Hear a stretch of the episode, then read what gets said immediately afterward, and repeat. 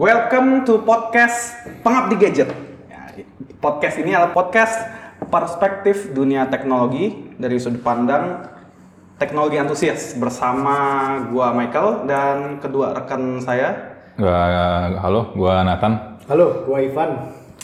Oke, kita mau kenalan dulu nih. Jadi awalnya sih sebenarnya podcast ini ya karena kita punya kebiasaan yang dibilang lumayan aneh ya karena kita kalau ngumpul tuh? eh, ngobrolinnya soal teknologi gitu loh. Hmm. Bener gak? Kalau gua sih sering jalan-jalan ke Erafon ya tepatnya jadi kalau ada rilis smartphone baru gue sering banget tuh ke Erafon Toko lihat, gitu ya? pegang-pegang aja ya beli sih enggak gitu kan Iya, cuman ada excitement sendiri gitu kalau soal ada gadget baru. Eh, kalau dari kalian sendiri gimana? Ya kurang lebih gue sama sih, cuman dateng ngeliatin, coba coba lihat, oh keren, ya udah. Tapi gue nggak beli, gue cuma pengen ngeliat doang. Iya. Gue pengen ngeliat kayak dia ngeluarin fitur apa tahun ini, apa sih yang baru dari tahun kemarin. Update ya, update. Update, iya, Update istilahnya update lah, ya. Update Gua, lu nggak usah, lu nggak usah harus malu kalau datang nggak beli tuh nggak harus malu. Datang lihat, ngobrol-ngobrol aja, ajak orang ngobrol aja. iya, update. Iya, tapi kadang-kadang tuh gue yang gue bingung tuh ada orang yang suka datang kayak, eh lu liat barang nggak pegang termalu, ah itu menurut gue Santai aja. santai aja ya. menurut gue gitu ya. Iya, Justru tuh. Itu justru kalau menurut gue kalau sales yang oke gitu ya lu datang, lu engage ngobrol tuh, saling sharing tuh.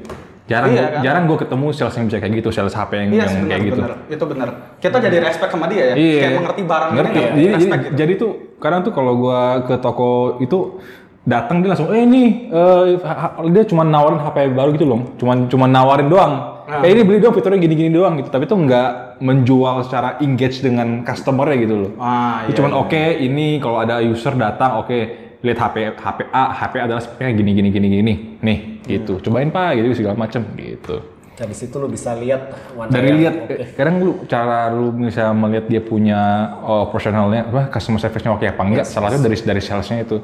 Bagaimana dia approach lu ngobrol dengan lu engage dengan lu itu hal yang lumayan Benar-benar. jarang lu temukan Berarti maksudnya kita dari sisi uh, in-store experience gitu ya? store experience Benar kan? agree In-store contohnya experience. misalkan ini gua agak off topic sedikit misalnya lu em, ke restoran fast food kayak McD atau lu dengan ke restoran fine dining misal gitu kan feel-nya pasti beda gitu lah Istilahnya kalau kita uh, ada in-store experience tuh ya perasaannya beda aja lah kan. Iya. Selama ini uh, mungkin beberapa orang belum berani untuk beli online. Apalagi soal gadget ya. Kita bicara gadget spesifik soal smartphone. Oke, oke. Nah, Yes, gitu. yes.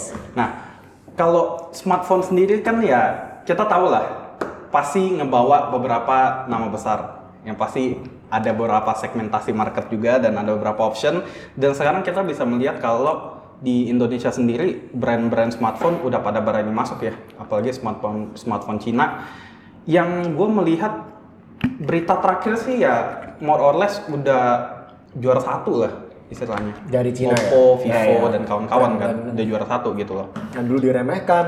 Yang dulu diremehkan bener. Tapi gue juga awalnya ragu sih sama smartphone Cina gitu. Awal-awal dulu tahun 2015 ya ke belakang gitu istilahnya Ya. ya. Produk-produknya Oppo dan dulu adanya Oppo doang sih. Oppo ya kayak aneh gitu kayak berasanya apa ya? Ya istilahnya tanda kutip produk Cina ya. Iya. Yang kita belum berani beli. Gue aja sampai ngerasa dulu nama kok Oppo sih kayak aneh banget, aneh banget namanya. Oppo Iya kan? Oppo, gitu Iya. Oppo Iki. Nah, dulu kan bilangnya itu KW-nya Apple kan dulu.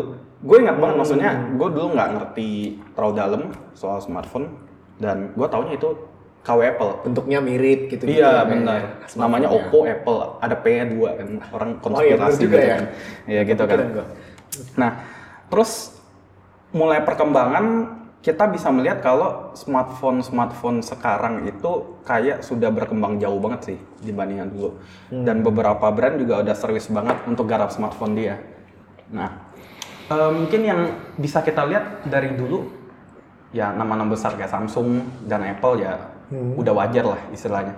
Terus ada pendatang baru kayak Realme, Xiaomi ya. Xiaomi bisa dibilang baru sih ya karena kan baru tahun dulu pertama tuh 2014 gue ingat. 13 14 ya sekitar Redmi. One S, gue ingat banget itu heboh banget itu awal-awal keluar Redmi One S karena itu murah banget. Murah banget. Satu setengah juta atau apa gitu ya.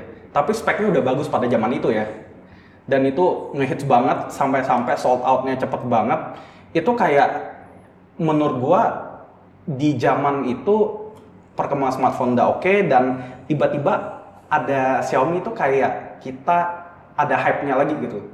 Oh, Kalau menurut gua sih dengan ya adanya Xiaomi memposisikan diri dia sebagai brand yang cukup uh, affordable itu ya, karena dan ya dan mungkin dia salah satu pionir yang mungkin ya yang kita maksudnya cukup exposure cukup gede si Xiaomi itu. Dengannya ada revolusi itu industri, maksudnya dia juga bantu kickstart. Ya. dia bantu dia bantu kickstart uh, HP-HP buat tumbuh dalam segmentasi yang itu gitu loh, dia salah satu revolusinya gitu loh, Benar, kickstart benar, benar. kayak found, kayak kickstarting activity-nya have gitu. thank Xiaomi nih. Iya, jadi Iya, kayak kayak ada brand Oppo dan macam-macam Realme segala macam tuh ya awal tuh berangkat dari kayak gue pengen HP HP flagship gitu loh. Tapi tuh flagship kan cuma bisa dibeli oleh kalangan atas. Jadi gue tuh pengen HP yang affordable tapi em, bisa menyasar market-market yang medium to low gitu. Tapi tanpa terlalu mengorbankan fitur yang terlalu signifikan gitu loh. Itu. Ya, jadi dengan sebuah konsep itu nih bisnis baru muncul, segmentasi baru paket eh, market eh, smartphone juga muncul, which is yang medium to low dan medium gitu. Tapi kalau dari gue sih sebenarnya eh, segmentasi market smartphone tuh dari, dari dulu yang entry level ya kita Hmm. bilang. Tapi kayak brand-brand gede kayak Samsung dulu ada zamannya dulu LG masih eh, naik ya, maksudnya masih eh, ada diperhitungkan juga ada Sony kan dulu juga kan. Nah entry level mereka tuh jelek banget gitu.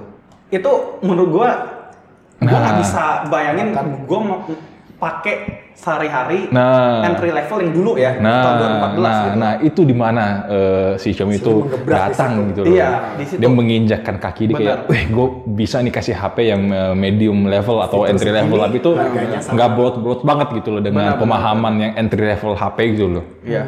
Dan perspektif orang tuh berubah ketika ada Redmi Note datang. Itu tuh kayak merubah semuanya lah menurut gua. Kayak smartphone bagus tuh tidak harus mahal lagi. Hmm. Waktu ada Redmi Note. Hmm. Kayak semuanya tuh udahlah kalau punya duitnya segitu yang pas dengan budgetnya udah Redmi Note aja. Samsung tuh nggak usah diperhitungkan sih. Menurut gua sampai sekarang Samsung yang istilahnya 5 juta ke atas tuh nggak usah diperhitungkan lah gitu. Menurut gua tidak worth it aja maksudnya dengan ditawarkan mending Samsung tuh Galaxy S, Galaxy Note kalian gitu. Kalau dari sisi gua gitu. Kayak istilahnya kita beli BMW tapi ya belinya versi paling rendah gitu loh. Sementara yang lain istilahnya Toyota kita dapat Fortuner misalnya kayak ya lebih oke kan gitu menurut gua gua melihat Oh, dari sisi oke. gitu loh. Iya kan? Maksudnya ini masalah user experience kita sehari-hari kan. Kan enak juga kan punya smartphone yang lebih kenceng gitu. Nah, kalau kita bisa melihat makin ke sini segmentasinya udah mulai berubah ya. Kan dulu kan entry level, eh, mid sama flagship. Nah, flagship itu kan istilahnya eh, smartphone terbaik yang diberikan sama satu brand. Jadi fiturnya terbaik, prosesornya paling kenceng, kamera terbaik, pokoknya udah show off lah. Itu All the tempat best show off. yang bisa diberikan oleh satu perusahaan gitu. Benar, benar. Hmm. Nah, kalau dulu kita bisa melihat kalau flagship itu definisinya sudah pasti Samsung Galaxy S. Dari zamannya S4, S5, Itu Samsung ya. itu Ya, definisi dari flagship Samsung. gitu loh. Istilahnya dia tuh yang kita lihat sebagai flagship tuh itu gitu. Kayak misalnya kalau ada poster flagship tuh ya dia gitu loh. Si yang Samsung. tampil pertama tuh pasti Dulu dia. kayak yang gue paling ingat banget tuh S2. Ga- Galaxy S2 tuh ngehit banget tuh. Habis itu pas kayak zaman-zaman gue SMA itu tuh lagi ngeter banget nih baru keluar nih Samsung Galaxy S3. Itu yang kayak gue dapat experience S3 buat pertama kali kayak wah ini flagship gitu loh S3 Iya, gitu kan? loh. Itu kayak benar-benar revolusioner, maksudnya benar-benar kayak revolusioner banget sih gitu sih itu HP gitu loh. benar. Dan waktu zaman itu juga pesaingnya ya kita sudah tahu udah pasti iPhone ya. iPhone terus ada Sony Xperia dulu ya. Sama LG G. Xperia juga udah. Iya. ya. Eh, waktu kayak waktu itu di tahun itu kayak Sony Xperia itu masih belum pakai Android, dia masih pakai sistemnya sendiri sendiri. Enggak, udah. Udah Android ya? Udah Android. Udah, udah. Oh, Sony Xperia udah Android. oke oke oke. Tapi nggak tahu kenapa LG dan Sony gugur di Indonesia. Tapi di luar juga katanya juga nurun juga sih Nurun. sa- sampai sekarang benar gitu. Dan sekarang yang naik malah eh, BBK Group Ya. ya. Kalau BBK Group eh, kita tahunya kan gabungan dari beberapa brand ya. Nah ini sampai sekarang orang banyak yang nggak tahu loh. Oppo Vivo tuh satu Apa ini? gitu. Apa ini BBK Group sebenarnya kalau boleh tahu? Coba jelasin dulu BBK Group itu apaan sih? Intinya BBK Group itu ya gabungan antara Oppo, Vivo, Realme sama OnePlus. Jadi satu parent company Parent company ya. bawah-bawahnya tuh Oppo, Realme, Vivo isinya itu. Iya benar. Hmm. Jadi gitu. Kayak istilahnya bisa dibilang eh, kayak Indofood nih punya Indomie ada Supermie nah gitu gitulah Ah, Sarimi ya gitu. gitu, gitu. Oke, tapi oke. satu company jadi apa pun yang kita beli dari mereka ya duitnya ke sa- satu company gitu loh Ngalirnya ke satu pusat. Agree, agree, Kalian agree, ke satu agree. perusahaan. Iya, iya, iya. BBK Menarik, menarik ini. Ini informasi menarik ini. BBK Group. Nah, kalau sekarang kita bisa lihat kalau flagship kan ya apa ya segmentasinya udah mulai ke istilahnya udah mulai ke arah premiumnya gitu loh. Oke. Ya. Dulu kan nggak tahu ya gue nostalgia Ya, atau ini apa ya. mungkin dari eh, pendapat lu sendiri, Mike. Jadi Iya. gimana nih? Oke. Dari pendapat gue segmentasi baru tuh udah ada gitu. Dulu cuma tiga entry level bisa dibilang 1 sampai 3 juta lah ya. Terus um, middle middle itu ya 3 sampai 5 apa 6 lah. Nah, Ini zaman dulu ya. zaman dulu. Zaman ini zaman dulu ini berapa? Berapa, Tahun-tahun berapa, berapa, nih? berapa nih? 2015. Iya 2015 dah. Oke, kita bilang 5 tahun ke belakang ya. Lima tahun belakang, oke. 2015. Oke. 3 Terus sampai 5 ya, maintenance mungkin. 7 juta ke atas tuh udah flagship namanya. Hmm. Itu sudah the best lah kita dapat. Kalau dulu gue melihat mid range itu memang lemot gitu loh. Tidak worth it untuk beli mid range mending flagship sekalian karena kayak perbedaan harganya tuh kayak cuman paling 30 persen, 40 persen. Eh, eh enggak, enggak deh sorry sorry. Mungkin 50 persen lah bisa dibilang. 50 sampai eh, 60-70 lah. Kira-kira kayak gitu. Oke, oke. Misalnya smartphone ininya eh, mid range-nya 4-5 juta ya flagship paling 7-8 gitu kan. Hmm. Gitu kan. Bisa dibilang naiknya 100% juga sih ya. Tapi nggak juga sih yang more or less segitu ya. Ya, misalkan 50 lu, sampai 100 ya, misalkan lu beli HP 3 juta Hmm. lah, flagship di tahun itu kayaknya harganya harganya 7 juta itu. Ah, ya, ya lu kira-kira 110 persen lebih, G4 itu- minimal lu 100 persen, ya dua kali lipat lah harganya Dua lah. kali lipat ya. Iya. Iya, iya, iya. Tapi eh, masih masuk akal gitu. Mungkin bisa dibilang gue terjebak di masa lalu, mungkin bisa dibilang kayak gitu ya. Ya bisa jadi kenapa mungkin kalau gue lihat dia itu iya yang dia bilang terjebak di masa lalu gitu loh. Dia tuh nyaman dengan harga yang di Iya, lima benar. tahun ke belakang gitu loh. Iya, benar. Iya, Iya, benar. makanya Itu makanya gua setuju, gua makanya kenapa gue tau kenapa dia sekarang itu kalau lihat HP itu selalu compare-nya ini mahal segala macam. Soalnya dia benchmark itu adalah lima tahun ke belakang pricing yang dia merasa dia nyaman gitu loh. Iya kan? Iya, Iya iya, iya iya. iya. Iya kan? Iya kan? Iya kan? Iya kan? gitu, Agree kan? Iya, iya, iya. Nah, Kalau kita bisa lihat Ya. dari sisi harga ya, segmentasinya kan udah empat sekarang. Ya bisa gue bilang middle premium lah. Itu eh, sekawannya Oppo Reno, Ya. Vivo X50 itu kan istilahnya dibilang flagship bukan dibilang mid range bukan kan itu kan kayak Iya. nanggung-nanggung gitu Iya, kan nanggung di antara middle enggak, flagship enggak. Iya dia kan? bikin segmentasi baru nih, middle, Nah, pre- iya kan? middle premium, quote middle unquote premium gitu. gitu. Dengan harga flagship 5 tahun lalu, 4 tahun lalu Iya, gitu. ya. Benar. Iya. 3 tahun. Nah, terus ada tuh kelas premium itu udah belasan juta hampir 20. Ada yang jual 25 Nah, lagi. tapi sebenarnya kalau kalau kalau lu cek-cekin gini ya kayak harga apa yang middle premium itu. Iya. Kan tadi tadi lu bilang pakai eh, apa harganya lima, dengan harga lima tahun ke belakang kan. HP flagship 3 tahun lalu mungkin. tiga tahun apa dua tahun ya. lalu gitu kan. Tapi ya menurut gua sih ya itu cukup comparable sih. Mungkin eh, let's say lu bilang contoh kali ini Oppo Reno 4 Pro, Oppo Reno 4 Pro itu berapa sih? D- tujuh tujuh delapan gitu ya. 7 8. Ya dulu pas gua beli HP mungkin yang comparable dengan itu tuh in terms of SoC ya. Mungkin S7 Edge itu HP gua. Itu gue beli itu 2016. Dari 4 tahun ke belakang gitu loh. Dan secara bisa dibilang speknya kurang lebih sama SoC gitu loh. Ter- dilepas terlepas dari dia punya RAM dan em, layar dan segala macam gitu ya. Oke. Dan middle premium ini kan istilahnya kayak mengganti eh, apa ya segmentasinya si flagship itu. Flagship tuh kayak, kayak naik lagi. Hmm. Menurut gue itu gara-gara iPhone X itu dulu keluarin 1000 dolar. Itu awalnya. Jadi semuanya udah mahal ke belakangnya. Gue sih merasa seperti itu. Nggak tahu kalian merasakan nggak? Kalau menurut gue itu startnya awal tiba-tiba si Apple naikin harga. Dan Eh. Samsung semuanya juga naikin harga semua. Yang paling tidak masuk akal menurut gue, iya Oppo juga naikin harga kan, gitu loh. Dan hampir nyentuh nyentuh udah udah Galaxy Note 20. 2017 ya itu ya? Iya, 2017. benar. Iya, iya. Itu memang zamannya pada naik semua sih kayak Iya kan? Galaxy pada naik kan? Note 8 sebelum iPhone 10 kan ada Galaxy Note Iya, 8 kan. uh. Itu udah harga 920 dolar. Iya. Itu naiknya udah lumayan, hampir 100 dolar. Iya, Jadi iya. Galaxy Note 7 yang gagal di tahun sebelumnya. Itu kayak udah naiknya udah jam. Terus Iya. Apple memper- memperparah Memperparah kan? Jam lagi kan? dari 7 Plus ke 10. Iya. Kalau di pikiran gue ya, benda yang belasan juta dan itu teknologi, di pikiran gue itu laptop gaming gitu loh. Ah, itu ya, gitu pendapat lo ya. kayak- Iya kan. Ah. HP itu menurut gua supposed to be satu digit di belakangnya. Eh di depan sorry. Depan, depan. satu digit. Dua digit tuh itu em, laptop gaming gitu loh.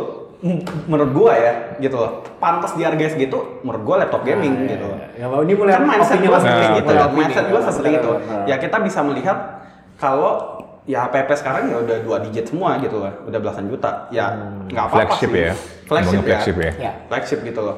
Dan udah berubah gitu loh. Dan dari sejak itu gue merasa gimana kalau gue cuman pakai mid range di kehidupan gue sehari-hari dan Nah. gue udah pakai uh, prosesor mid range di HP gue sekarang dan udah setahun lebih dan bener gue tidak merasakan ada apa ya urgency untuk beli flagship lagi gitu. Ya. karena apa pun yang gue kerjakan kerjaan gue kan kerjaan gue ya konten-konten WA nonton YouTube sekali-kali dan lain kayak casual user lah main game sekali-kali dari gue pribadi itu udah sangat mengakomodasi semuanya gitu. Dan gue bertanya dong kenapa gue harus beli yang belasan juta? Ya. sementara laptop gaming gua gitu yang udah nyentuh harga dua digit bisa melakukan semua hal almost everything gitu processingnya kencang semuanya kencang kayak dari sisi fungsi itu worth it menurut gua tapi kalau flagship kalau bagi gua pribadi eh, tidak bisa difungsikan se-usable laptop gitu untuk kerja ya Oke. gitu. Hmm. Benar kan? Benar. Nah, gue tidak punya pertimbangan untuk beli HP harga segitu gitu. Nah, kalau dari kalian sendiri gimana? Jadi ini melihat flagship gitu. Em, jadi yang gua yang dia bilangin sama Michael barusan bilang itu adalah intinya adalah smartphone smartphone flagship itu kebutuhan apa kemauan. Dia barusan menjawab hal itu dengan point of view dia dan Iya, dengan itu point beberapa gue ya. argumen dia. Iya. Kalau menurut gue flagship bagi gue pribadi itu kemauan, Hmm. kebutuhan gue yang mid range gitu. Gue nggak butuh kayak istilahnya eh, ya balik lagi kalau orang yang punya duit lebih ya silahkan gitu loh. Beli aja. Kayak istilah gini kita di Jakarta punya Lamborghini buat apa gitu? Bagi gue ya karena gue gue juga nggak punya duit sebanyak itu ya sekali lagi. Tapi ya mungkin kalau kita beli Alphard ya oke karena kan enak di dalam gitu loh istilahnya kan. Hmm, hmm. mobilnya luasa. Ini tuh kalau gue melihat dari sisi fungsi sih. Gue tidak melihat dari sisi lain ya nah ka- kalau kalian kan punya point of view yang berbeda kan Kembali lagi kebutuhan. kan. Agree, sekali lagi agree. kebutuhan gitu loh Jadi berartinya di kebutuhan. Ya, cuman nggak tahu ya. Gue kepedean atau apa ya. Tapi gue yakin mostly orang kebutuhannya ya more or less kayak gue gitu loh. Orang biasa gitu loh. Yang kehidupan sehari-hari. Tapi mungkin ada kebutuhan khusus ya. Beberapa yang perlu HP flagship. Contohnya content creator. Itu gue setuju nggak apa-apa lu beli flagship. Tapi lu bisa menghasilkan duit jadi youtuber, lu vlogging ya silakan gitu. Lu pakai iPhone ya emang instastory-nya terbaik kan sampai sekarang kan gitu kan ya nggak apa-apa beli aja harga 20 jutaan ya silakan lu bisa menghasilkan duit gitu kan kalau gue melihat di situ gitu loh nah kalau kalian gimana kan kalian kan pakai flagship sebenarnya gue tidak pakai flagship loh Eh, bisa Iya. dibilang coba gua, gua dulu ya. Iya, Bisa iya. dibilang gua tuh pakai flagship yang empat tahun lalu. Oke jadi lu pakai Flagship 4 tahun lalu. sebutin aja sebutin sebutin S Samsung S7 Edge ya. Kalau menurut gua sampai sekarang dengan pemakaian gue yang cuma daily doang kayak media consumption, em, menurut gua HP ini em, udah lebih dari cukup buat gua. Hmm, hmm, hmm. Ya. Kenapa gue bisa bilang lebih dari cukup? Karena dari awal gue beli dan sampai sekarang umur udah 4 tahun, pemakaian gue ya kurang lebih ya begitu-gitu aja gitu loh. Dan menurut gue aplikasi yang paling berat bahkan menurut gue itu adalah Google Maps. Google Maps. Lu kalau misalnya Google, Google Maps sambil apa connectin ke YouTube, eh sorry sambil connectin ke Bluetooth atau misalnya Bluetooth speaker gitu kan sambil lu jalan, itu ngelek banget ya. Tapi itu kayak problem RAM deh menurut gue ya. Iya, nah itu, tahu. nah itu. RAM soalnya RAM cuma 4, 4, 4 giga, iya. Pantes.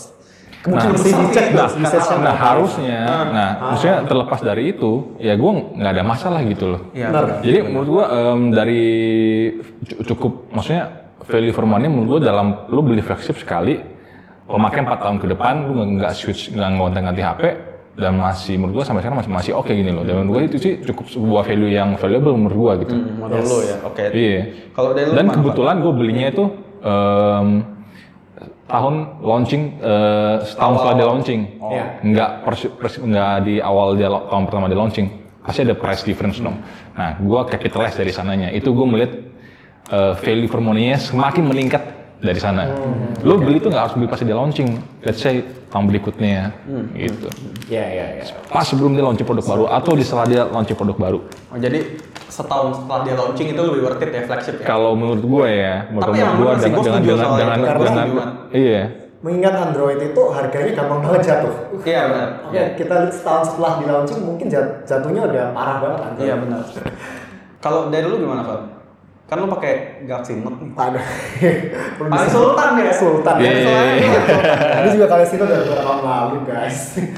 Ini gue pakai Galaxy Note 9 ini eh, kan gue beli tahun 2018 ya. Hmm. Ya kalau dilihat dari sisi eh, ke, kebijaksanaan, kebijaksanaan kan secara wise-nya Hmm. mungkin kurang wise juga kan karena gue beli di tahun launchingnya guys. Kalau Nggak Android apa-apa. tadi gue setuju banget. Kalau lu mau wise secara financial, Hmm. lu beli HP yang flagship gitu dari Android, lu belinya setahun paling nggak setahun setelah dirilis, di mana harganya udah jatuh-jatuh Iya, kan iya. gitu. Uh, dan gue lihat di sini kayak uh, lu Mike atau Nathan juga uh, kalau misal beli HP itu menitip beratkan pada kebutuhan gitu kan. Gue akuin, gue beli HP ini pun ada faktor kebutuhan dan ada faktor kemauan. Hmm. Ada dua-duanya itu. Hmm. Kebutuhan gua rasa karena eh, sebelum gua pakai Galaxy Note ini, jujur jujur aja HP gua tuh seri mid yang agak ke bawahnya LG, yakni LG Stylus. LG Stylus ini dia ada stylusnya. Dan gua nyaman banget pakai stylus ini. Karena di pekerjaan gua pun eh, ya btw gua juga bekerja sebagai eh, water engineer ya, jadi gua sering banget di lapangan harus sketch system langsung. Oh, segala macam save SPDF gitu-gitu Benar-benar. coret-coretan submit ke bos gua. Kayak gitu. Nah setelah HP LG Stylus gua ini koit setelah 2 tahun. Ya koit setelah 2 tahun. Koit HP midrange itu tahun 2016 Nah itu bisa kalau kita hadapi dengan HP misalnya itu isu yang kita hadapi dengan HP mid misalnya dua tahun mati gitu. Apalagi tahun Lifetime-nya 2015, lifetime-nya pendek apalagi bener geri geri geri. eh nah, Lifetime-nya pendek. setelah itu gue cari yang baru dong. Nah apesnya gue lihat di tahun 2018 ya stylus kok nggak ada ya? Udah pada nggak ada nih HP stylus terus gue lihat ah ini adanya note harganya ah, bikin nangis gitu kan Iya, iya. terus akhirnya gue mikir-mikir ya udah coba-coba pengalaman bagi gue mungkin ya sekali-sekali gue coba deh pengalaman Ah, pakai HP yang iya. sekalian mahalan gitu Eh, Hmm. berapa Dan sih itu? Berapa sih? Nah, ini pun gua beli dengan harga menurut gua Ah. Best Buy. Iya. Harga pada waktu itu di Samsung Store, Eh. tiga bulan setelah rilis ya ini ya, Iya, iya, iya. masih 13,5 juta. Oke. 13,5 juta.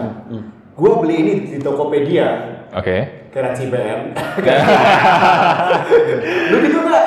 Aduh, ketahuan dong. SMS gua juga Guys, barang jangan laporin ya. jangan laporin ya.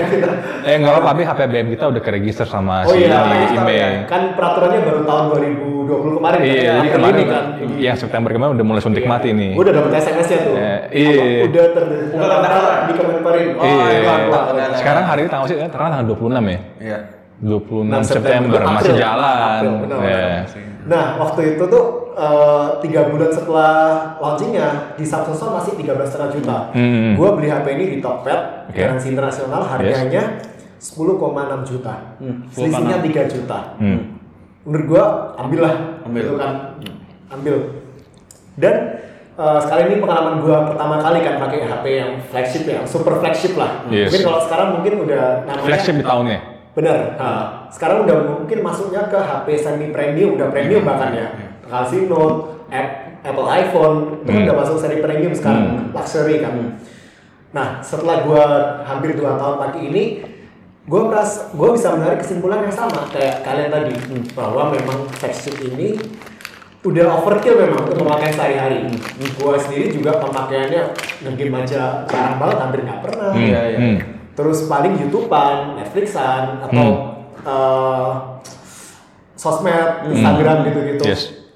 Itu pun udah super smooth, gak ada masalah sama sekali Hmm. gitu kan. Dan gua merasa kalau gua pakai unlimited pun gua masih bisa gitu. Agree. Gue juga, gue juga agree, agree. Gue Sebenarnya argumen gue terhadap HP mid-range itu begini. Gue melihat perkembangan HP mid-range sekarang tuh sudah gila-gilaan. Benar. Gitu loh. Nah, Itu poin gue. Mid range yang dua tahun terakhir Iya. lo nggak usah compare dengan mid range Dimulai- 4 sampai 5 tahun terakhir itu dua hal yang berbeda. Iya, Dua hal iya, berbeda, iya, benar. Sekarang tahun 2018 ke atas, menurut gua semenjak ada Redmi Note itu pelan-pelan udah mulai ke sana. Hmm. Dan gue melihat kalau value for money, value for performance-nya si Redmi Note ini gila-gilaan Hmm. gitu menurut gua. Terlalu jauh gap antara eh, kebutuhan kita sama dengan harga si flagship ini sudah gapnya terlalu jauh gitu Hmm, hmm. menurut gua gitu loh. Dan sekarang kita nggak bisa eh, meremehkan HP-HP Cina lagi.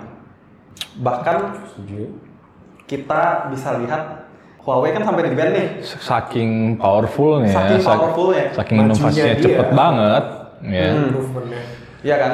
Hmm. Ada isu dengan Amerika kan Yes. sampai hari ini.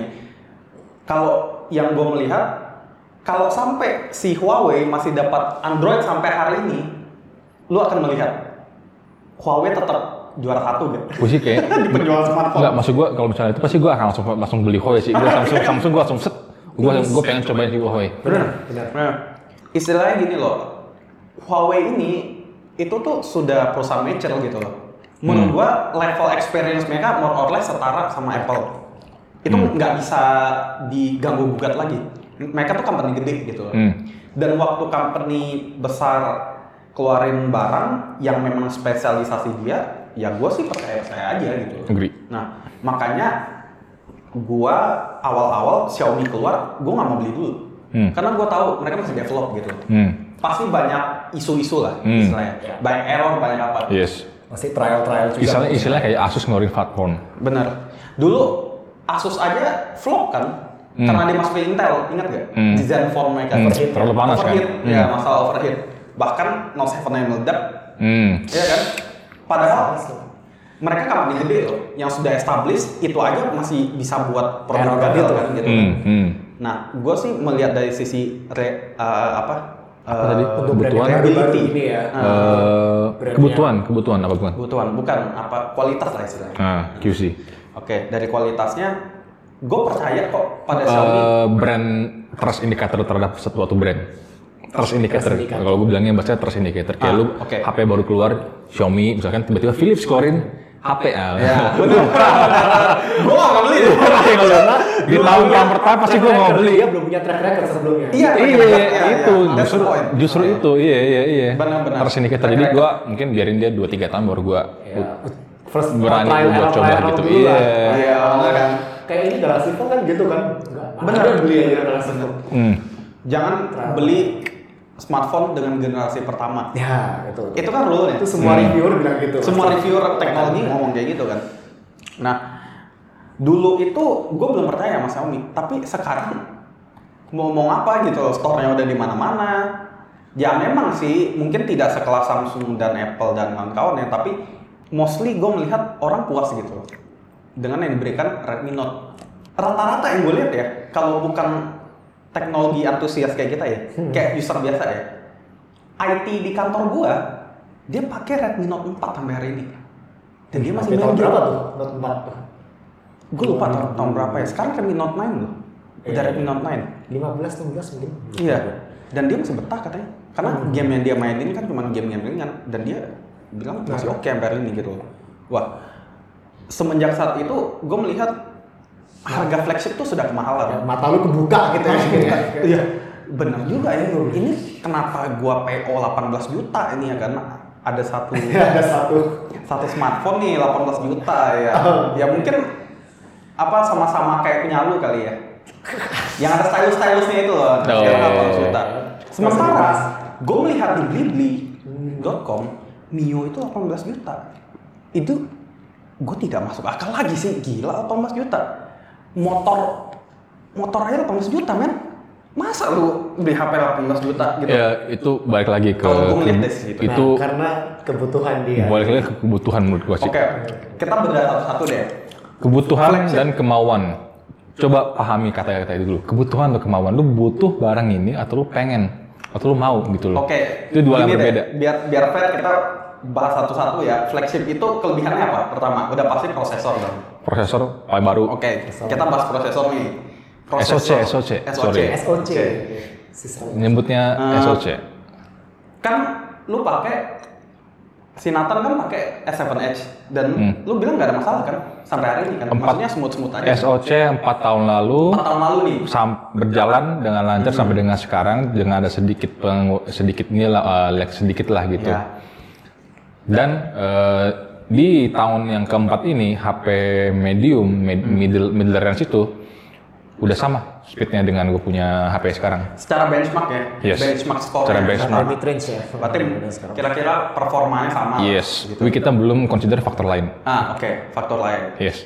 terus Satu berarti itu bisa gue bilang dia punya apa eh, longevity-nya atau useful life-nya. Ah. nah flagship. Oke, berarti kita di sini boleh sepakat nggak kalau misalnya prosesor mid range sekarang tuh udah bisa akomodasi kebutuhan kita yang normal ya orang normal. Setuju. Itu setuju gak? Agree. Gua ada agree. Dengan yang lumayan juga di sini. Oke. Karena kita udah lihat bukti nyatanya sendiri. Karena iya, iya itu yang benar sih. HP Samsung Iya. S7 Edge yang dia yang Empat setahun tahun lalu lalu ya sekarang Hmm. itu ternyata empat tahun dipakai jos-jos Masih aja. oke-oke aja Mungkin kan? Ada lag di sana sedikit tapi masih acceptable lah. Ya, masih bisa dipakai Empat tahun kan? Empat tahun. Lama loh itu empat tahun. Oke. Gitu. Terus yang kedua kamera. Nah ini gua nggak terlalu tahu jujur aja. Karena gua gua juga nggak terlalu pakai Ya. smartphone kamera gitu. Bentar itu kan gua 4 tahun tuh gua ngitung dari tanggal gue beli 2017, 17, 18, 19, tiga 20.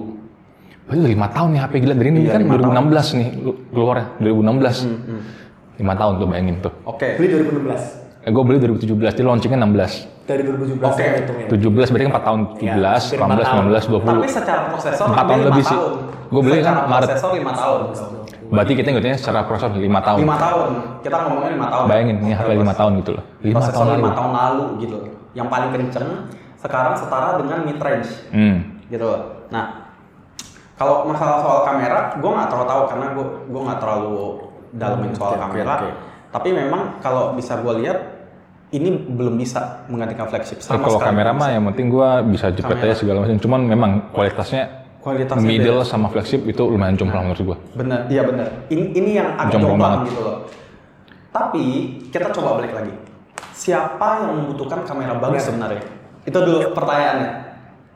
Eh, Kalau menurut lu siapa yang membutuhkan kamera orang bagus? ho- orang hobi, hobi, hobi. Hobi, oke, hobi. Pertama, Hobi. Gua salah satunya tuh. Kalau Nah. liburan, gua suka foto-foto. Masalahnya kalau kita udah ngomongin hobi itu tuh bias gitu loh. kemauan arahnya tuh. Eh, Oke, lebih nggak itu apa-apa, kemauan nggak apa? Kebutuhan. Itu lebihnya ke, ke, ke kemauan karena itu adalah entertain gitu kan. Ya udah, nggak apa-apa. Tapi tetap itu mem- membawa nilai plus bagi kehidupan lu nggak masalah gitu. Ya, Kalau bagi gua ya. Karena lu Yes. memilih untuk itu. Iya. Jadi banyak faktor gitu loh, Mike. Jadi nggak cuman spesifikasi Oke, spesifikasi smartphone, dulu, tapi lu juga ada spesifikasi diri lu juga. Nah, itu harus bisa Nah, align tuh dua dua hal itu tuh. Iya. Ya, ya.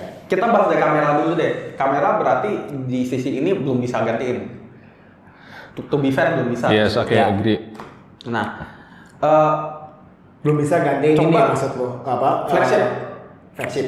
ya, Oke, oke. mid range tuh belum bisa. Hmm, Tapi hmm. Cuma serta untuk bisa. orang normal yang cuman ah, biasa-biasa Instagram feednya biasa menurut gua udah oke sih pakai mid range, iya kan. Kecuali lu content creator, lu selebgram, ya silakan. Lu mau vlogging vlogging, mau hasilkan uang, nggak apa-apa, beli flagship gitu. Gitu. Ini dari sisi kamera. Apalagi? Terus Terus sisi fitur. Nah, fitur. pertimbangan orang beli flagship ini kadang-kadang fitur juga.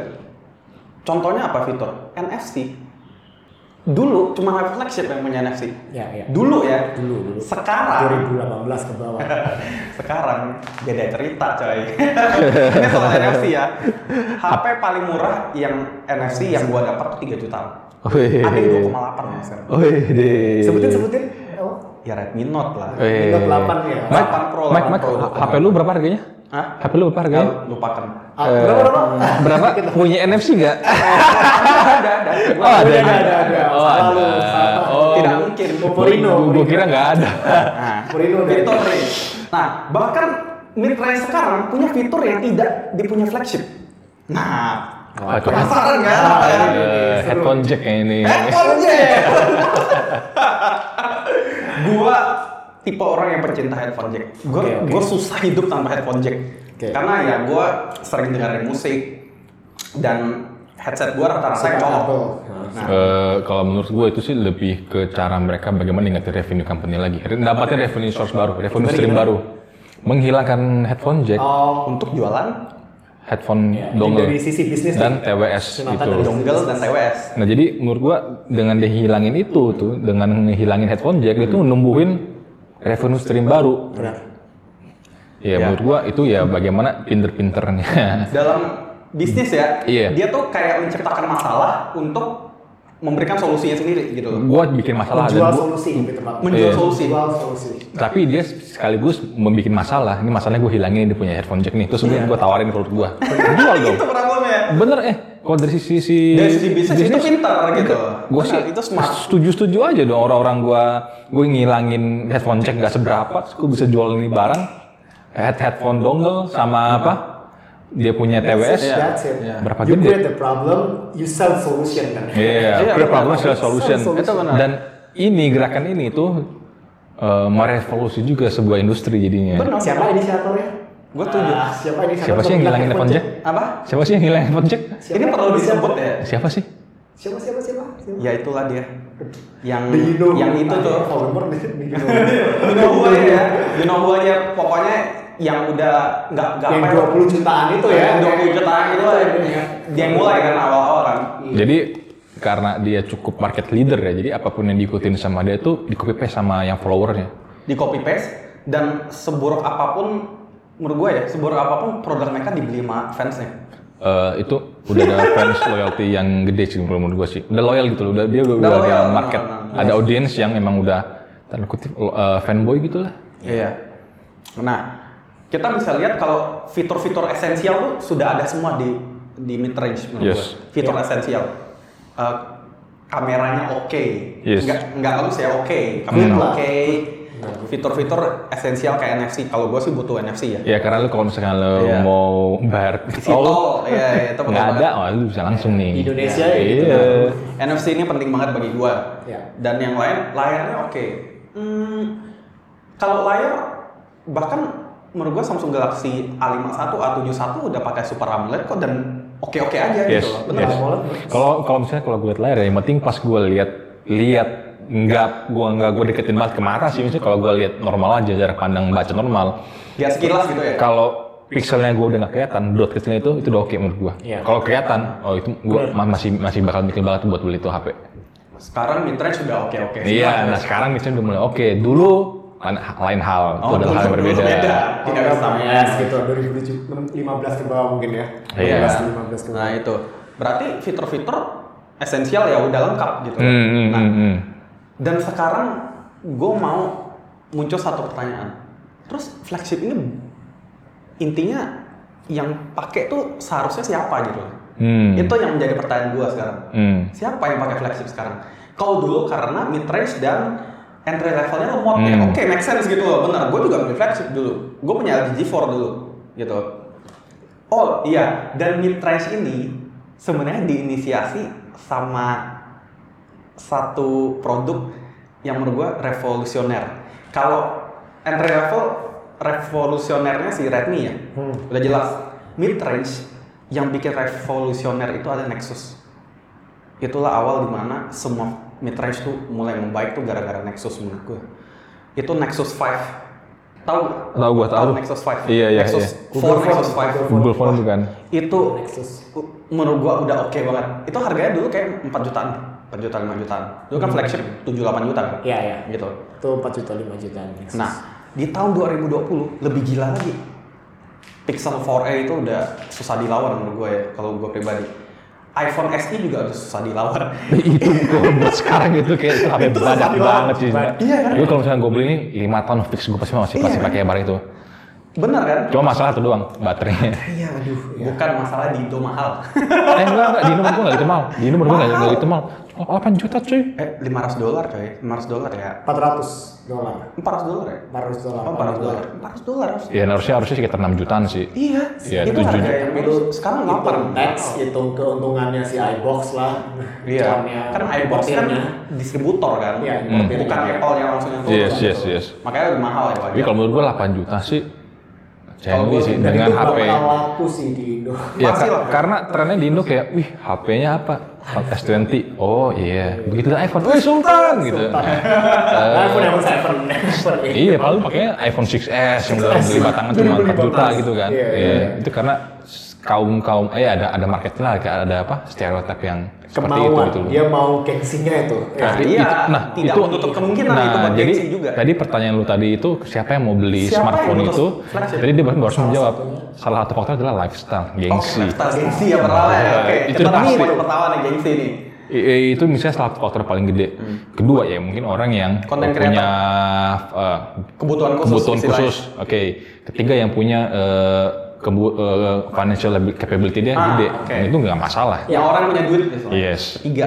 Terus keempat eh, mungkin ya tech tech reviewer ya mungkin perlu kan. Yes, lagi Itu ke content- dia itu ke itu masuk ke ke content content creator. creator. Iya. Gitu, ya.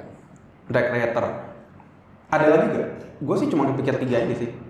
Gue tidak melihat flagship untuk orang normal perlu lagi Kalau kita bahas soal flagship khusus Apple ya, Hmm. itu satu lagi, dia udah nyaman di ekosistemnya. Ah Dia iya, udah kita pakai bicara soal Apple sekarang ya. Iya. Apple kan Uh, dunia berbeda tuh. Itu sorry, sorry, sorry, sorry. Tadi kan uh, lifestyle, eh, kebutuhan khusus, content creator sama tadi apalagi penghasilannya capability-nya gede kan. Iya, Iya, iya. orang Eh, duit biasanya. sama satu lagi tadi apa ya? Tadi kalau gitu bilangnya apa ya? Nggak ada itu content creator mas. Enggak, yang tadi maksud gue yang kayak isu ekosistem itu bisa kita bilangin sebagai satu buah faktor atau apa enggak sih? Oh mungkin Oh, ya udah. bisa sih.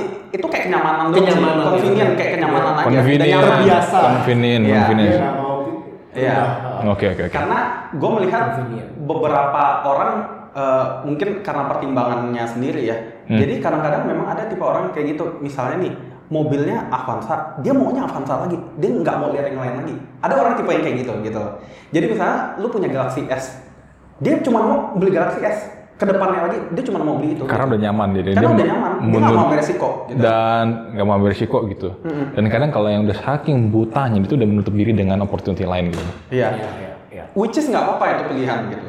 Iya. Kita nggak against itu cuman ya kita cuma menghalang ada uh, orang yang seperti itu gitu loh. Iya. Baik, ya, ya balik lagi ke itu semua kemauan kan kita nggak bisa, lu mau pengen apa nggak bisa gua atur itu semua hak hak hak, hak lu gitu loh. Iya. Benar, benar. Cuman kita di sini kita bisa melihat dan bisa mengidentify market atau user dan kita menggroupingnya dalam kategori yang sedemikian rupa. Contohnya yang kayak tadi kasus Michael bilang gitu. Iya. Dan memang gua orangnya karena suka coba-coba ya. Jadi gua udah ke beberapa brand, kayak udah beberapa Ah, gitu kan. ah. Dan gue merasa selama di Android is fine gitu. Karena pemindahan data dan lain-lain itu aman. Karena terkonek ke Google account kan. Datanya Jadi selama gampang mungkin ya. sesama Android tidak ada isu yang eh, bermasalah menurut gue. Tapi kalau lu cross platform dari Android ke iOS, nah ini biasanya ada ada masalahnya nih. Itu yang bikin males biasanya. Itu yang bikin males juga orang orang nyaman ya udahlah. Ini gua pindah poin ke kenyamanan kan, iya. Apalagi dari iOS ke Android. Iya. Makanya teman-teman gue yang udah pakai iPhone, gue bisa katakan selamat ya. Lu akan selamanya pakai iPhone. Oh iya benar benar benar benar benar. Gue nggak kepikiran.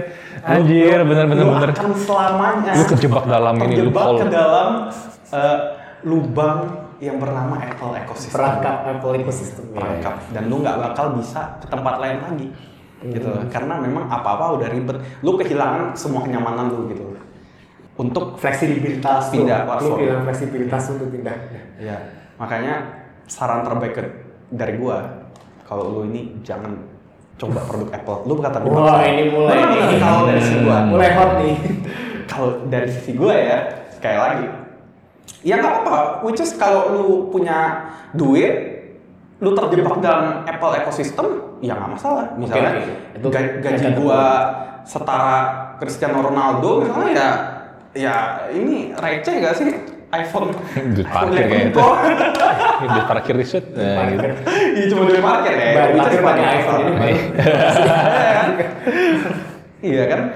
Berarti kita bisa melihat empat poin ini ya. Di mana kalau flagship itu dibutuhkan. Nah, kalau kita lihat dari kebutuhan orang Indonesia mostly gitu loh. Kalau kita bilang mau ya. bring out ide di mana kalau Hah? eh, mendingan lu pakai duit lu untuk hal yang lain gitu loh. Lu Hmm. beli mid range tuh sudah aman sekarang. Itu yang Eh, idea yang, yang mau gua Oke, tawarkan. mungkin salah satu implementasinya misalnya gue beli HP nya, misalnya terus gue beli tablet juga lah gitu misalnya tablet buat sama-sama lo media konsumsi misalnya gue beli HP yang let's say di kisaran 5 jutaan daripada gue spending full let's say 12 juta buat satu buah HP mending gue beli dua device satu HP mid range dan satu tablet mid range kalau itu kalau menurut gue itu lebih cengli sih De- ter- dengan kebutuhan gue baik lagi kebutuhan orang masing-masing beda Masing-masing ya benar. Ya. Tapi kalau menurut gua ti- tidak ada uh, urgensi untuk membeli flagship lagi gitu loh. Ini tuh kayak udah produk luxury aja. Kayak istilahnya lu pakai tas merek apa kayak eh, apa Tiger kayak gitu-gitu kan. Nah, dengan lu merek LV kan fungsinya Berarti sama. ini poinnya lebih ke lifestyle tidak bilang. lifestyle bener. Lebih ke lifestyle sekarang. Kalau menurut gua sekarang ini ya, eh, hidup ini lebih ke berat ongkosnya tuh lebih lifestyle sekarang sih dengan zaman zaman zaman sekarang ini apalagi zaman milenial dan zaman serba digital gini ya sosmed. dan zaman sosmed juga itu salah satu hal yang bikin orang kayak yang tadi tadi yang tadi contohnya kita bilang eh, orang pakai iPhone tuh ih kelihatannya sultan banget lah iPhone udah empat tahun lalu gitu loh Hmm, hmm, hmm. gitu karena dalam pikirannya kayak, wih iPhone oke keren, branded lifestyle keren gitu loh. Karena dia melihat sebuah produk itu udah bukan sebagai fungsional lagi, tapi sebagai sebuah Identity fashion. ya? Iya. Bisa jadi bisa, bisa jadi identity, kalau nggak fashion, wah lifestyle gitu loh. Ya, ya orang kan bilang hidup tuh nggak mahal, gaya hidup yang mahal. Iya, Iya, itu kan, iya. itu kan poinnya kan. Jadi em, semakin eh, gua semakin ya bertambah umur dan wawasan Hmm. gitu, jadi gue melihat kayak padahal gue udah nggak butuh banget flagship gitu loh. Mendingan gue beli HP yang eh, let's say 5 medium range, terus gue beli let's say tablet satu misalnya em, iPad atau apa gitu yang entry level yang cuman 5 jutaan harganya. Hmm. Dapat benefit yang menurut gue sih win-win solution ya. Hmm, oke. Kalau buat kebutuhan gua gitu. Ya kebutuhan masing-masing orang beda. Yes. Nah, kalau kita bisa melihat lagi eh, orang-orang yang masih hype soal flagship itu juga masih banyak gitu loh. Dan, Em, dan- itu biasanya kalau itu sindromnya begini, misalnya kalau orang dengan seiring dia kenaikan apa em, financial capability, pasti spendingnya juga dia spending juga akan naik gitu loh dan iya benar. em, dia pasti juga akan tendensi buat eh, dia akan ngecobain ngecobain produk yang lebih mahalan lebih mahalan atau isti- istilahnya gue pengen coba eh, taraf yang lebih tinggi daripada gue sebelumnya Iya gitu. benar benar. Ya, Itu menurut gue itu fine, itu masuk fine. akal gitu, itu masuk akal banget gitu loh. Iya. Gitu. Nah, dari pembicaraan kita semua nih, kita boleh gak tarik kesimpulan kalau flagship tuh keba- eh, kebanyakan orang ini tuh kemauan, bukan kebutuhan. Eh, setuju. Bagi kebanyakan orang. agree. untuk Agree ya? Di poin itu kita agree, Agree, ya? agree. Di poin itu gue Oke. agree. Ya, jadi memang eh, ide yang kita mau sampaikan ini em, karena gap flagship dan mid range sudah terlalu jauh dan mid range sendiri fiturnya sudah lengkap, fitur-fitur esensial sudah lengkap. Jadi kita bisa mengkasih jaminan karena gue sendiri pakai mid range sampai hari ini. Kalau HP-HP mid range dengan ya kita bisa lihat prosesor minimal Snapdragon seri 7 lah istilahnya kan. Itu sudah aman untuk kehidupan sehari-hari gitu loh. Udah nggak perlu takut lagi Untuk sekedar untuk downgrade. sosmedan, Iya, benar. Hmm. gitu. Iya gitu. Oh jangan yang aplikasi berat-berat pokoknya. Benar, benar, benar. berat-berat gitu. Mostly kalau buat media consumption itu HP misalnya udah, Yes. udah cukup menurut media gua. consumption range Iya. overkill. Dan itu kebanyakan orang pakainya buat media consumption biasanya. Yes, benar. Iya. Kebutuhan sehari-hari kita apa sih chatting? WA, Sosmed. YouTube. Iya. Ha. Apa lagi? Apa lagi? Apa lagi? Maps ya gitu-gitu. Google Foto, Maps, foto, foto, iya, foto. foto, iya, apa lagi gitu. Kalau maksudnya eh, em, penggunaan casual gitu loh. Ya udah itu doang palingan. Kalau lu ngom- kalau lu- gitu-gitu. kalau kita strictly ngomong kebutuhan ya, Hmm. ya HP itu cukup gitu loh. Ya. Cukup kan?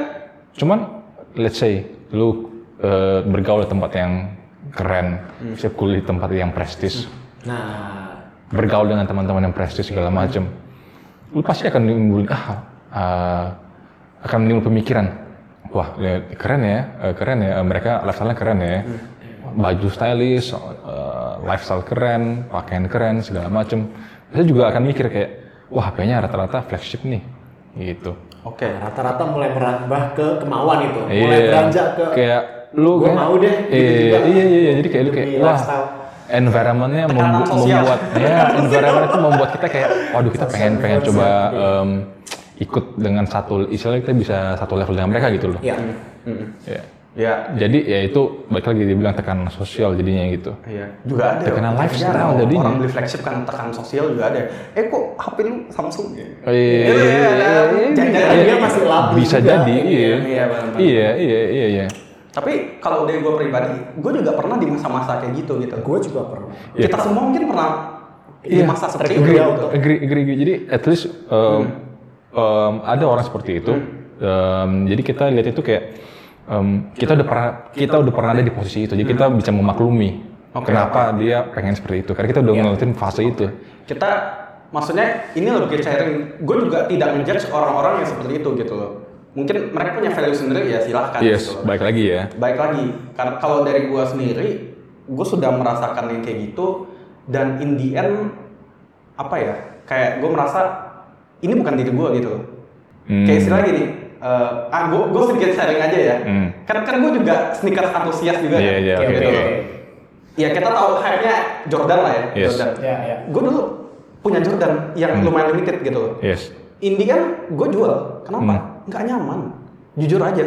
Es- esensi dari gue pakai sepatu tuh nyaman gitu. Tapi dengan Jordan tuh nggak nyaman gitu. Kalau ini value gue ya. Value-nya itu kayak Value- value iya, tuh beda. makanya balik lagi masing-masing orang tuh dia punya personal value-nya beda dan dan Benar. akan diproyeksikan terhadap barang yang dia punya gitu. Benar. Jadi kalau begitu nggak line, ya gue udah nggak mau lihat value ini jadi ya udah mau nggak mau akhirnya lu jual kan? Iya. Karena gua nggak nyaman kan? Karena nggak nyaman. Karena esensinya sepatu Iya. nyaman, jalan jauh enak, nggak Iya, pegel kaki lu. Benar. Tapi kalau Esensinya itu. tapi kalau keren, wih keren orang lu jalan ke mana diliatin sama Iya. orang. Iya. Tapi keren bukan esensi gue gitu. Nah, itu bukan value gue. ada value yang orang melihatnya kebalikannya, bilang, Iya, wih keren gitu. Nah, dan somehow gue yakin sih pada waktu lu beli Jordan itu Hah. somehow ada bagian dari diri lu yang ah coba gue pentingin faktor kerennya gue yakin ada Iya. part itu juga gue mau bridging ke arah situ istilahnya Iya. gue mau mengubah pikiran gue gue Iya. mau merasakan uh, apa di masa kayak gitu gitu Iya, iya. tapi gue gak nyaman gitu Nah, lu gue gue bakal balik lagi mantep pada esensi yang lu pentingkan Iya. dan kenyamanan itu selalu melalui proses itu kan. Nah, iya, benar. Gue udah coba, nggak worth it ternyata. Gue Iya. keren, keren tapi nyamannya gue nggak bisa tahan gitu. Iya, nyaman benar. Nah, akhirnya lu te- teguh sekarang. Gue pentinginnya kenyamanannya. Iya, benar. Dan Asal Iya. misalnya nggak jelek-jelek banget lah. Iya, benar. Gitu. Jadi kadang-kadang kita sering terima kayak apa ya em, cerita atau wejangan dari orang tua, lu jangan begini karena gue udah pernah menghasilkan lewat Mungkin, pengalaman iya. gua. Iya, iya, Karena dulu kalau lu bisa orang tuh bilang lu jangan kayak gini pengalaman pengalaman, papa nggak kayak gitu eh, bilang begini gitu loh. Kita pasti dengan keras kepala enggak enggak kita nggak segala macam pasti Iya, kita iya, bisa. Selalu jalanin ternyata baru oke ternyata perkataannya benar gitu ya. Baru sadar kan. baru sadar Iya, gitu. baru sadar Karena karena tadi gue bilang kita tadi yang kayak fase yang kayak tadi pengen beli flagship segala macam, gue udah ngelewatin fase itu gitu loh. Tapi Jadi gue somehow- tahu gitu loh. Ya, sometimes gue bersyukur sih gue dalam tanda kutip berontak kayak gitu ya. Iya. Karena gue bisa ngerasain sendiri bener-bener gitu. Iya. Daripada cuma kata orang doang gitu. Iya, jangan ini, iya. jangan itu gitu. Iya, Tapi iya, lu kan iya. ada curiosity yang gak terobati ini. Iya, benar, bener. Di pikiran lu. nah ya kita ini agak off topic tapi esensinya kira-kira sama ya Dapat iya.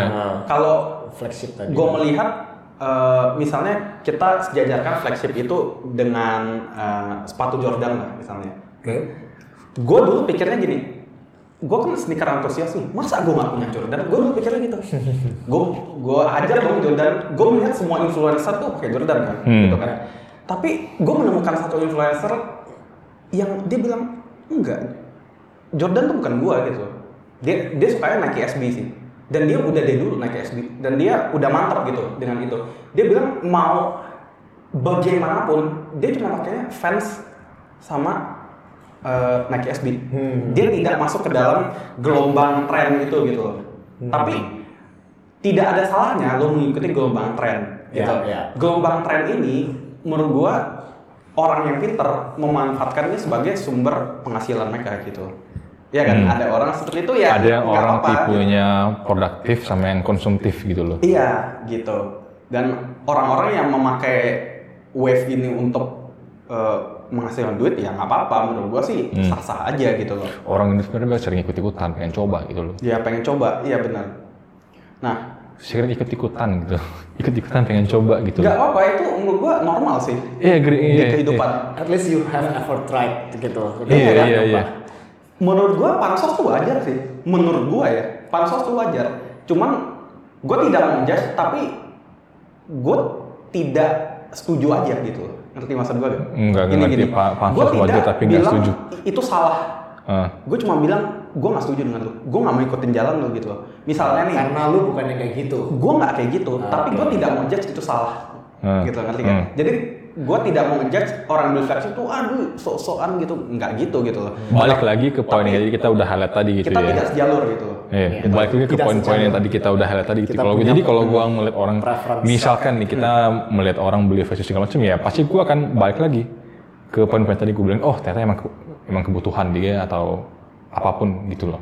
Iya benar. Kebutuhan dia atau emang bisa dibilang dia lifestyle juga ya udah jadi gue punya udah punya basis gitu kayak understanding kayak kenapa dia beli ini oh gara-gara ini gara-gara lifestyle oh gara-gara dia emang eh, eh, sultan atau gara-gara dia Iya, emang benar. lifestyle doang jadi gue udah tahu gitu loh hmm, hmm, hmm, hmm. jadi nggak cuma asal nge apa ya asal kayak bocah cuma eh beli flagship keren segala macam gitu Nggak- Iya, setidaknya kita udah punya pertimbangan yang matang lah ya. iya Untuk beli pertimbangan smartphone, matang ya kita juga eh, mau mengasih satu gagasan ide kalau coba teman-teman yang beli refleksikan smartphone, lagi tadi ke poin-poin ya, yang tadi refleksikan itu ke value sendiri. Terus coba deh kalau sebelum beli smartphone tuh lihat reviewnya dulu, kayak jangan langsung makan marketingnya. Kadang-kadang orang-orang juga eh, yang tidak mengerti terlalu dalam soal teknologi ya, karena dia mungkin ada apa eh, suka yang lain apa gimana ya, which is fine nggak apa-apa sih. Mereka itu kemakan dengan kayak misalnya RAM yang gede, eh, storage yang gede, megapiksel yang gede, cuma gitu-gitu doang kan mainannya kan. Tapi kalau kita yang udah mengerti, kita pasti cek semuanya mulai dari apa Iya, fiturnya, iya. istilahnya yang masih apa. minim informasi terkait teknologi gini lah sama lah kayak misalnya kayak bokap gue mau beli HP tan Hmm. ini bagus nggak ini katanya RAM-nya gede loh 8 giga loh ya gue bilang nggak lihat dari poin itu doang pertimbangin eh, poin lain-lain lagi gitu gitu Ya. dan kan gue kita nih kita tahu nggak semua orang kan melek teknologi kan Benar, Cuman, benar, benar, benar. oh keren eh yang pakai artis ini eh gue beli Nah, Iya, tuh artis itu dipakai artis. Ya, di situlah kita eh, apa istilahnya mengisi kekosongan itu gitu. ya memi- mengisi gap itu mengisi gitu. gap itu gitu. Di mana kita punya eh, ide sendiri soal teknologi itu seharusnya seperti apa gitu. Nah, kita bisa bilang di sini kalau em, kalau untuk mid range, gue sangat rekomendasi untuk most people untuk beli. Karena menurut gue tetap entry level ada beberapa kelemahan yang eh, belum bisa di cover sama mereka gitu. Masih belum terlalu worth it lah menurut gue. Kawetannya juga bisa. Kawetannya juga dipertanyakan kan. Men- Mending langsung mid range Prosesor, ya. gitu dan orang yang mau em, kepastian silahkan ngambil Samsung Samsung Galaxy A itu udah bagus kayak A51 A71 udah bagus gitu dan untuk yang masih ragu sama HP Cina gua sangat menyarankan untuk dicoba dulu karena ini sudah berbeda dari lima tahun lalu gitu bener gak menurut Agree. kalian Agree. Cina itu sudah berkembangnya gila-gilaan kan HP-nya udah pas, pas gue coba nih wah anjir nih keren banget UI-nya iya kan Iya. iya Langsung tuh, wah keren nih. Gue pengen coba nih gitu. Kalau kita bisa lihat Oppo Find X2 Pro, ya walaupun harganya 18 juta sih. Tapi misalnya itu logo Oppo dihilangin deh. Diganti logo apa kayak gitu, logo Apple kayak atau apa. Orang gue yakin juga tertarik kok liatnya. Itu Hmm. memang secara kualitas tuh bagus gitu. Hmm, hmm, hmm. Tapi memang secara brandnya itu problemnya kan. Yes. Jadi buat kalian-kalian ya ke eh, masih Ah. skeptis gitu, coba hilangkan pelan-pelan gitu. Iya benar benar benar. Sama brand-brand Cina ini. Sama Po- Pocophone ya. Pocophone. Ah ini nih. Kalau udah bicara Pocophone sih itu sudah Senang aja. level yang berbeda ya. Itu mah bener-bener worth it. Gue ingat banget Poco F, F1. Hmm. Nah, itu legendary. ya. Kayaknya itu smartphone paling worth it sepanjang masa deh kayaknya. Sepanjang hidup gue, gue belum pernah melihat smartphone yang se-worth it itu harganya. Ya, ya. Lu ingat kan ada yang berapa? 4 jutaan nih kalau nggak salah ya. 4,5. 4,5 ya. Di tahun itu, Speknya setara S9. Eh, di tahun itu. Iya. Iya, iya. S9 iya. dulu berapa? 10 kan? 11 juta. Samsung S9 11,5. 11 juta terus ada 4,5 wah Tiga kali. itu jual rugi kali ya sih pokok Ya, jual rugi kali nah gara-gara si brand ini kan ya dia tidak se-hype S9 kan ya. dan masih berapa Masih orang baru juga. uh, Masih baru. gitu. Ya, karena contoh aja. ya oke paling untuk episode kali ini itu Cukup aja ya. sampai di sini. kesimpulannya kita rekomendasi smartphone mid range ya smartphone flagship silahkan beli kalau ada kebutuhan dan kalau ada duit dan kalau mau silahkan tapi kita merekomendasikan smartphone mid range untuk For orang most people use Most people. casual use. Casual use. Ya, gitu. Ya, standard dan- use. ya. dan jangan takut beli HP Cina yang sudah terpercaya kayak kayak Xiaomi dan Oppo, Vivo Karena dan eh, yang si Max lain, juga pernah pakai dulu sebelumnya pakai Xiaomi Iya. dia kan. Iya, Jadi karena dia ngomongnya dia dia ngomong itu berdasarkan basis dia pernah pakai gitu. Gua. cuman nonton review Kata segala macam. iya, Iya, betul. kata orang ini kata orang ini enggak gitu. gue merasakan sendiri gitu memakai HP Cina dan gue sangat puas sampai hari ini gitu. Dan oke, thank you guys for listening and kita akan ketemu lagi di episode berikutnya. Thank you for listening and bye. Oke, goodbye.